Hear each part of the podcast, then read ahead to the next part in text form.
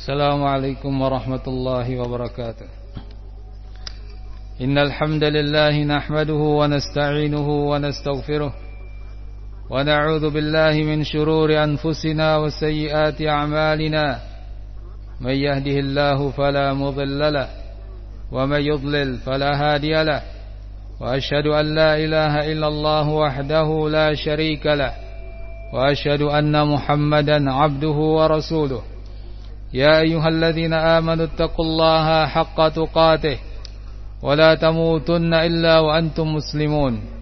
يا أيها الناس اتقوا ربكم الذي خلقكم من نفس واحدة وخلق منها زوجها وبث منهما رجالا كثيرا ونساء واتقوا الله الذي تساءلون به والأرحام إن الله كان عليكم رقيبا. يا أيها الذين آمنوا اتقوا الله وقولوا قولا سديدا يصلح لكم أعمالكم ويغفر لكم ذنوبكم ومن يطع الله ورسوله فقد فاز فوزا عظيما. أما بعد فإن أصدق الحديث كتاب الله وخير الهدي هدي محمد صلى الله عليه وسلم وشر الأمور محدثاتها فإن كل محدثة بدعة وكل بدعة ضلالة وكل ضلالة في النار. أعادني الله منها. الله أكبر الله أكبر الله أكبر. لا إله إلا الله والله أكبر. الله أكبر ولله الحمد. kaum muslimin yang semoga senantiasa dirahmati Allah Azza wa Jal. Pada hari ini kita berada pada Yaumun Nahr, Idul Adha. Hari raya bagi kaum muslimin, hari raya bagi umat Islam di seluruh dunia. Ahibati fillah rahimakumullah. Hari raya Idul Adha di samping merupakan kebahagiaan bagi kaum muslimin di sana pun terdapat berbagai macam pelajaran-pelajaran yang bisa diambil dari Idul Adha tersebut dan kegiatan-kegiatan yang dilakukan padanya. Kaum muslimin rahimakumullah. Idul Adha mengingatkan kita kepada sejarah nabi kita Nabi Ibrahim dan Ismail alaihima assalatu wassalam Keduanya merupakan sosok yang senantiasa dalam ingatan kita terutama pada hari raya Idul Adha sejarah kehidupan mereka penuh pelajaran-pelajaran yang berharga sifat-sifat pribadi mereka merupakan sifat-sifat mulia yang semestinya kaum muslimin senantiasa berusaha mencontoh dan meneladani sifat-sifat yang ada pada diri mereka. Kaum muslimin rahimakumullah. Allah Azza wa Jal telah menyebutkan sebagian daripada sifat kedua nabi tersebut. Di dalam beberapa ayat Al-Qur'an di antaranya firman Allah Azza wa Jal ketika menceritakan Nabi Allah Ibrahim wa ma kana istighfaru Ibrahim li abih illa am mau'idatin wa'adaha iyyah falamma tabayyana lahu annahu aduwwun lillah tabarra'a minhu inna Ibrahima la'awahun halim. Dan tidaklah istighfar Ibrahim untuk ayahnya kecuali an mau'idatin wa'adaha iyyah karena suatu janji yang pernah dia janjikan kepadanya. Falamma tabayyana lahu annahu aduwwun lillah maka ketika jelas bagi Ibrahim bahwa sang ayah adalah musuh bagi Allah tabarra'a minhu Nabi Ibrahim berlepas diri darinya Inna Ibrahim la'awwahun halim. Sesungguhnya Ibrahim adalah seorang yang senantiasa kembali kepada Allah, lagi orang yang lembut dan penyabar. Sifat halim yang terdapat pada ayat ini ternyata Allah Azza wa Jal juga mensifati sang putra yaitu Ismail dengan sifat yang sama dalam surat As-Saffat ayat yang ke-101 dan sebelumnya ayat yang ke-100 diceritakan bahwa Nabi Ibrahim berdoa kepada Allah Azza wa Jal Rabbi habli minas salihin Fabasyarnahu bi gulamin halim. Wahai Rabbku Berikan kepadaku Minas salihin Anak keturunan Termasuk dari orang-orang yang saleh. Fabasyarnahu bi gulamin halim. Maka kami beritakan kepadanya Berita gembira Akan lahirnya seorang anak Yang halim, lembut dan penyabar. Ikhwani fiddin rahimakumullah. Sifat ini kalau begitu merupakan sifat mulia. Bahkan sifat ini Allah Azza wa Jal telah Mensifati dirinya dengannya dalam banyak ayat Al-Quran.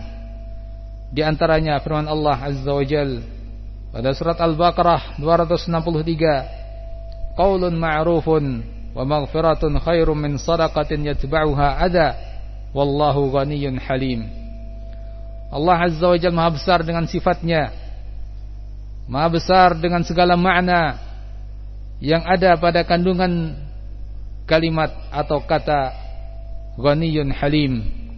Tiada yang serupa dengannya, tiada yang bisa menyamainya. Ikhwan fiddin rahimakumullah. Dari ayat-ayat tersebut kita akan menyoroti sifat ini yang ada pada kedua nabi kita, Nabi Ibrahim dan Nabi Ismail alaihi wassalatu wassalam. Telah disebutkan bahwa sifat al-hilm merupakan sifat yang sangat mulia. Bahkan Nabi sallallahu alaihi wasallam pernah mengatakan dan memuji seorang sahabat yang memiliki sifat tersebut sebagaimana dalam riwayat Muslim Nabi mengatakan kepada Al-Ashaj Abdul Qais inna fika la khuluqaini yuhibbuhum Allah al-hilmu wal anat sesungguhnya pada dirimu ada dua sifat yang dicintai oleh Allah azza wa jal yaitu al-hilmu wal anat sifat al-hilm wal anat dan sifat ketidak tergesa-gesaan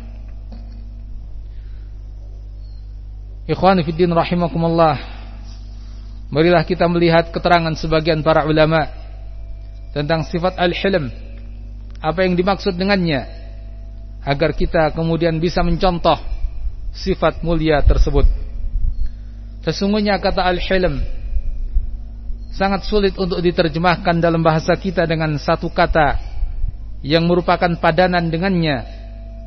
Sifat al-hilm, al-hilm mengandung makna-makna mulia yang harus kita sebutkan makna-makna tersebut agar kita mengetahui dan memahami apa yang dimaksud dengannya.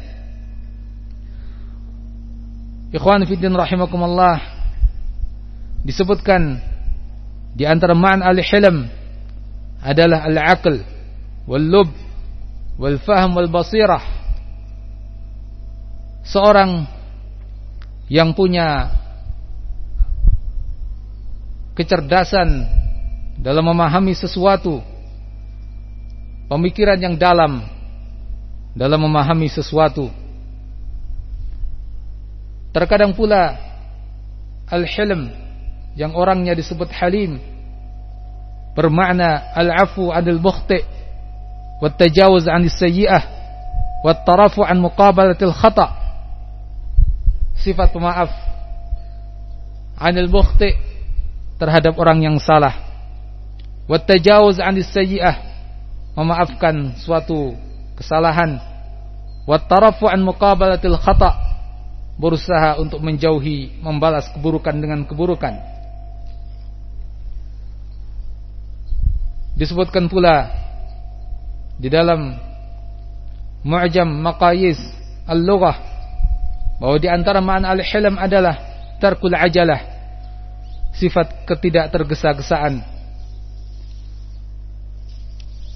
sehingga dari beberapa makna yang disebutkan tadi bahwa sifat al-hilm merupakan sifat mulia yang menunjukkan bahwa seorang yang memiliki sifat tersebut seorang yang bijak seorang penyabar, seorang yang mampu menahan diri, seorang yang berpikiran panjang, memikirkan akibat segala sesuatu, baik dan buruknya, dan mampu menahan diri. Karenanya dalam ayat yang disebutkan pada surat At-Taubah 114, Inna Ibrahim al-awwahun halim, ditafsirkan oleh As-Sa'di rahimahullah, sesungguhnya Ibrahim al-awwah ay raja' senantiasa kembali kepada Allah Azza wa Jal. Senantiasa kembali, senantiasa kembali kepada Allah Azza wa Jal.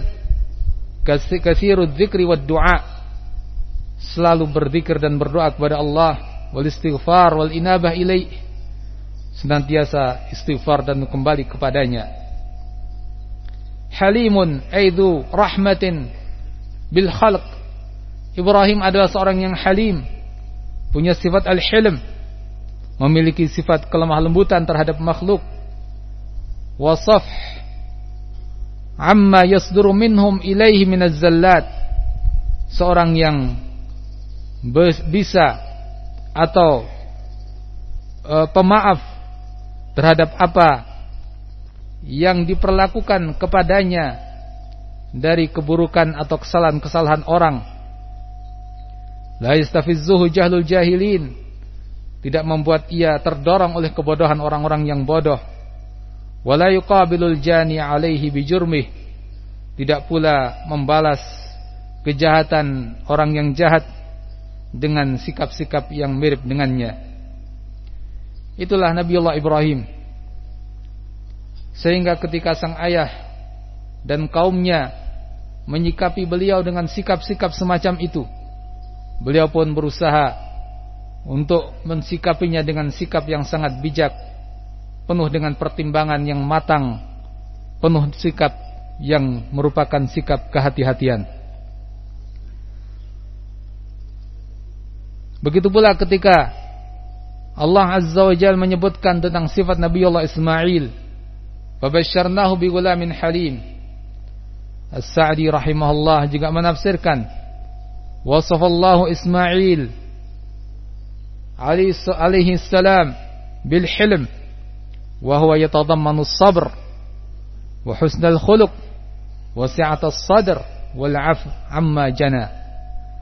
Allah Subhanahu wa taala mensifati Ismail dengan sifat al-hilm wa huwa yatadammanu sabr sifat ini mengandung makna kesabaran. Wa husnal khuluq dan akhlak yang mulia. Wa si'atas sadr dan lapang dada.